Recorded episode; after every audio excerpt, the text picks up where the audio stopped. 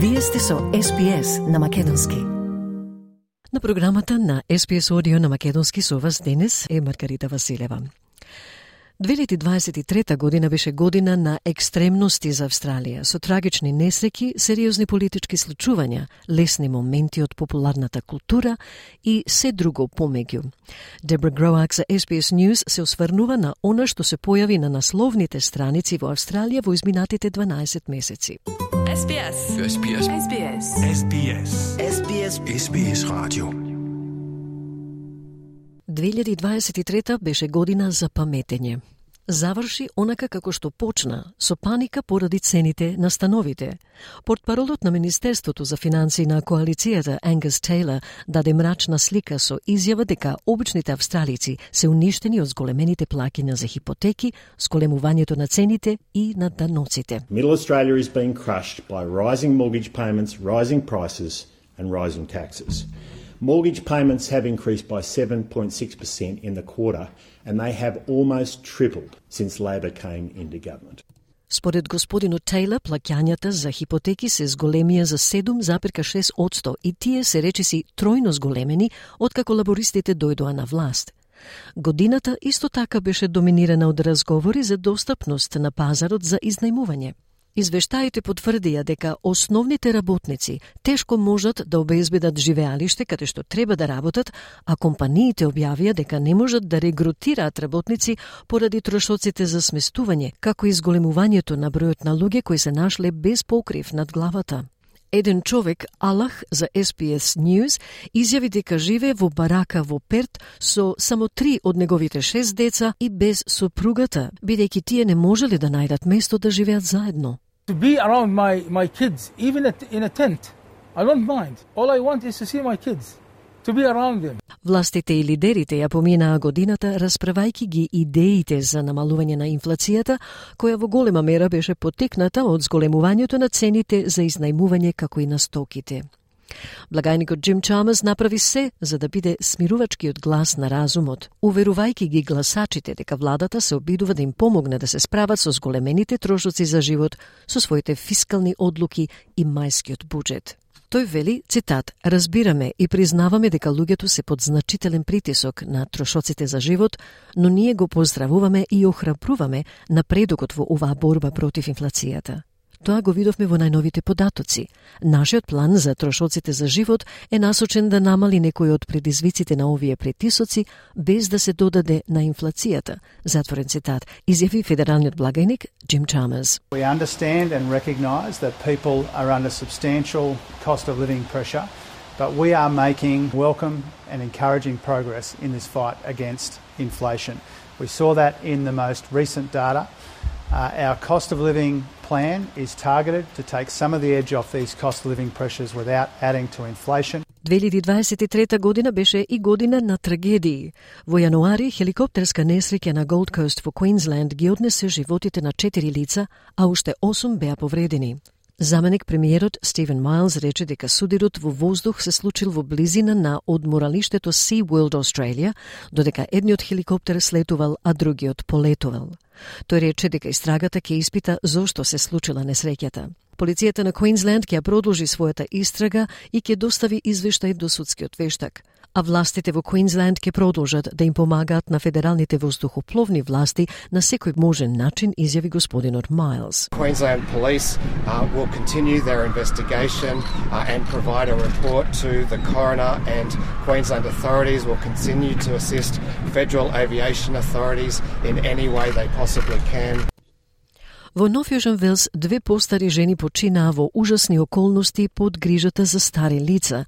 Едната, Кле Ноланд, откако наводно била стрелана со тейзер од полицаец а другата на централниот брег на државата, откако наводно била сексуално нападната.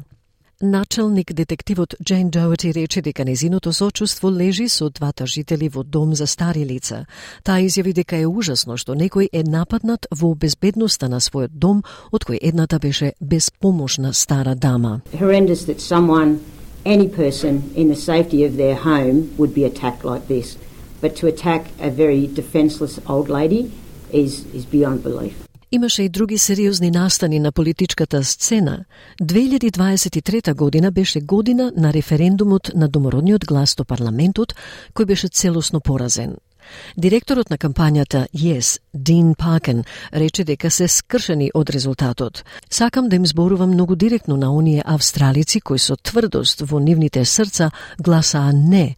Се што сакавме е да се придружиме со вас со нашата автохтона приказна нашата домородна култура, затворен цитат, изјави Пакен, директор на кампањата Да. I want to speak very directly to those Australians who voted no with hardness in your hearts. Please understand that Aboriginal and Torres Strait Islander people have never wanted to take anything from you. We have never and will never mean you no harm. All we have wanted was to join with you our Indigenous story, our Indigenous culture, Се уште сме на политиката, а Нов Јужен Велс доби нова државна влада на државните избори во март, при што лабористите целосно ја поразија коалицијата, со што Тасманија остана единствената јурисдикција со либерална влада. Во меѓувреме, две држави ги загубија своите премиери поради оставка.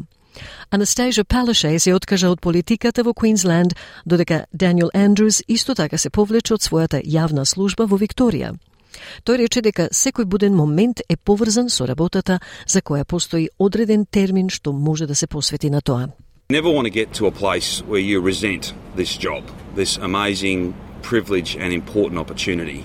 Every waking moment is about the work, and there's only so long you can do that for. Додека премиерите се обидоа да остават позитивен впечаток, тоа не беше случајот со големиот бизнис. Прекинот на Optus остави милиони луѓе без телефони и интернет конекција во ноември, а некои наводно не можеа да остварат повици до службата за итна помош три пати нула.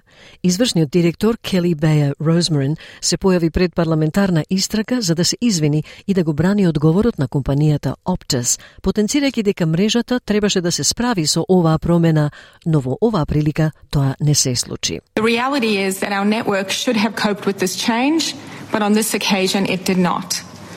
I can confidently assure the Australian public that we have made immediate changes to our systems to ensure that this specific issue will not cause another outage of this nature we experienced last Wednesday. Додека мрежата преживеа, не може да се каже истото. Додека мрежата преживеа, не може да се каже истото и за извршниот директор Излекувањето на господјата Розмарин беше втора комерцијална оставка од висок профил во контроверзни околности оваа година, а првата беше со Алан Джойс од Qantas. И на неговото годишно генерално собрание, инвеститорите на Qantas беа бесни поради низата неодамнешни скандали во авиокомпанијата, вклучувајќи поплаки за неуспеси во услугите на клиентите и конечната исплата на господинот Джойс од 21 милион долари – Но новата извршна директорка Ванеса Хадсон рече дека е решена да го обнови брендот и неговата репутација. While we arrive at this moment with some big challenges, we also have some enormous opportunities and an exciting future. A future that will see our brand recover.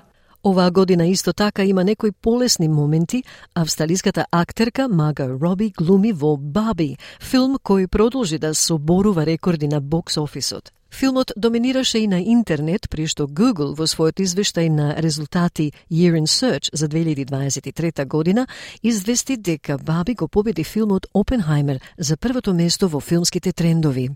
Мага Роби изјави дека е многу задоволна од одзивот на филмот и воодушевена од неверојатниот ентузијазам ширум светот. It's incredible. The enthusiasm people have shown all around the world and people showing up with their friends and wearing pink and getting dressed up and like the amount of dudes that are showing up for this movie, I'm just, I'm thrilled. Оваа година исто така беше лудило за ограничениот број билети за концертот на Taylor Swift во Мелбурн и Сиднеј во февруари.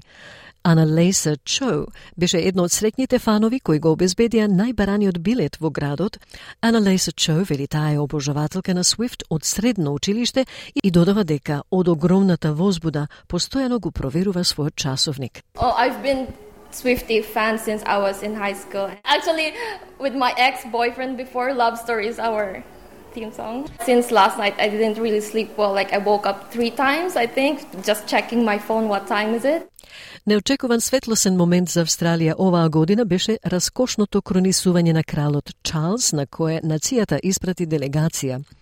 Обожавателите на социјалните мрежи забележаа дека делегацијата можела добро да го погледне джиновското јајце на кронисувањето, производ од Fabergé прикажано на церемонијата, за кое радосно шпекулирале дека е всушност светата рачна граната од Антиохија, кое се поврзува со познатата сцена во филмот Monty Python and the Holy Grail, во која така наречената рачна граната стана омилена икона за обожавателите на британската комедија. SBS News. We have the holy hand grenade. Yes, of course. The holy hand grenade of Antioch. This is one of the sacred relics Brother Maynard carries with him. Brother Maynard, bring up the holy hand grenade.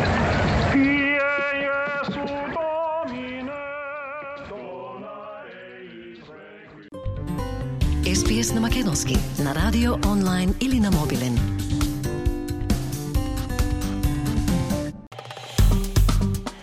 Стиснете, ми се допаѓа, споделете, коментирајте. Следете ја SPS на Македонски на Facebook.